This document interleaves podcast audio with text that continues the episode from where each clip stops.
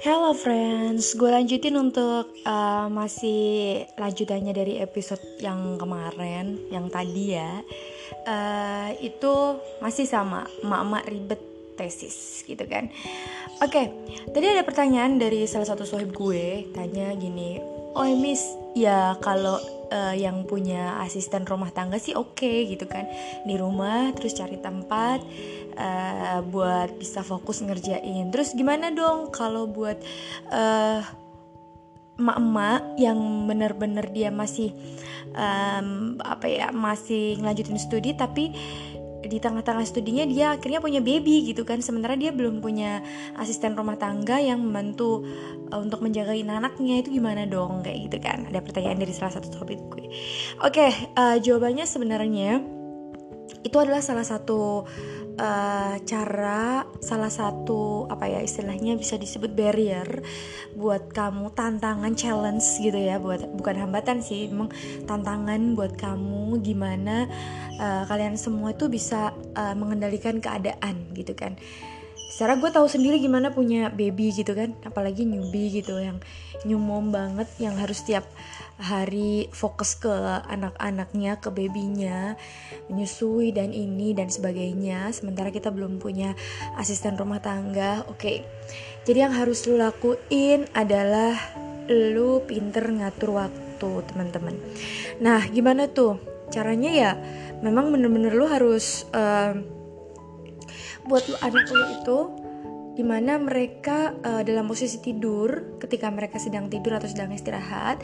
Nah, lu harus punya uh, satu apa ya langkah move on dari uh, tempat tidur lu juga gitu. Jadi di mana lu jangan ikutan tidur gitu kan. Habis lu nyusuin terus lu bablas tidur. Nah itu itu gue banget sih dulu sebenarnya kayak gue kayak gitu gitu kan.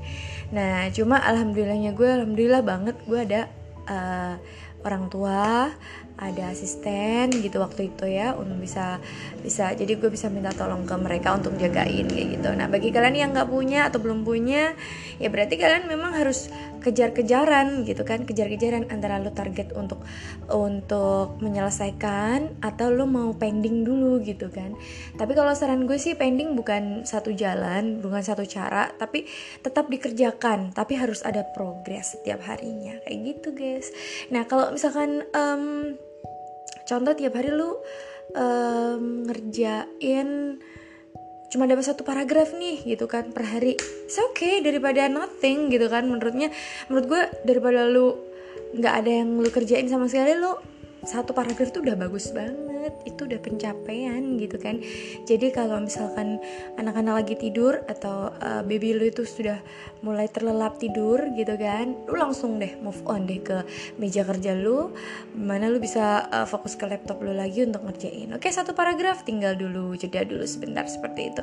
Emang kejar-kejaran dan emang itu capek banget gitu kan.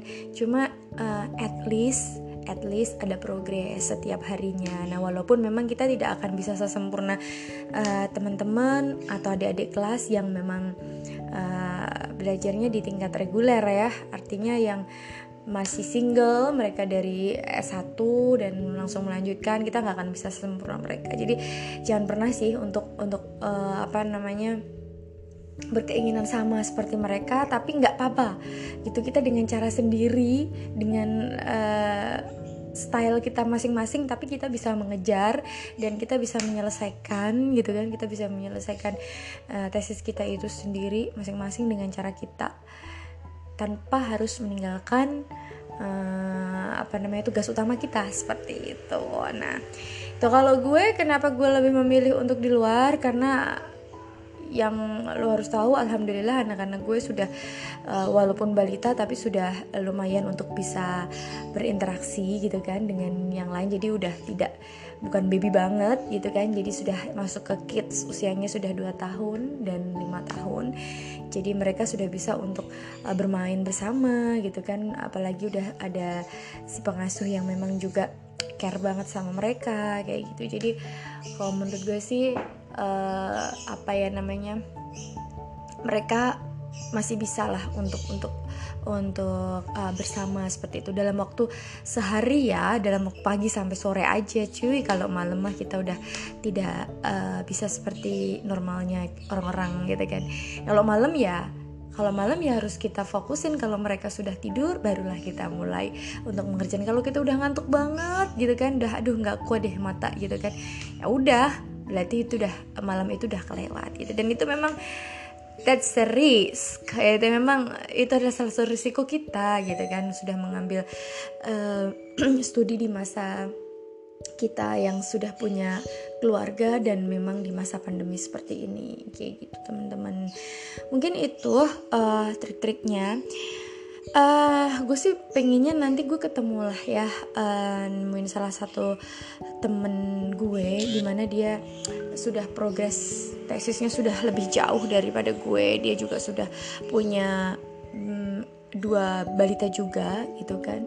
Tapi dia menyelesaikannya dengan sangat cepat gitu kan. Nah nanti kita juga pengen tahu coba gimana sih tipsnya triknya dari uh, si teman gue ini kakak gue ya gue sebutnya. Oke okay, nanti um, sampai ketemu lagi di episode berikutnya. Oke okay, thank you very much for listening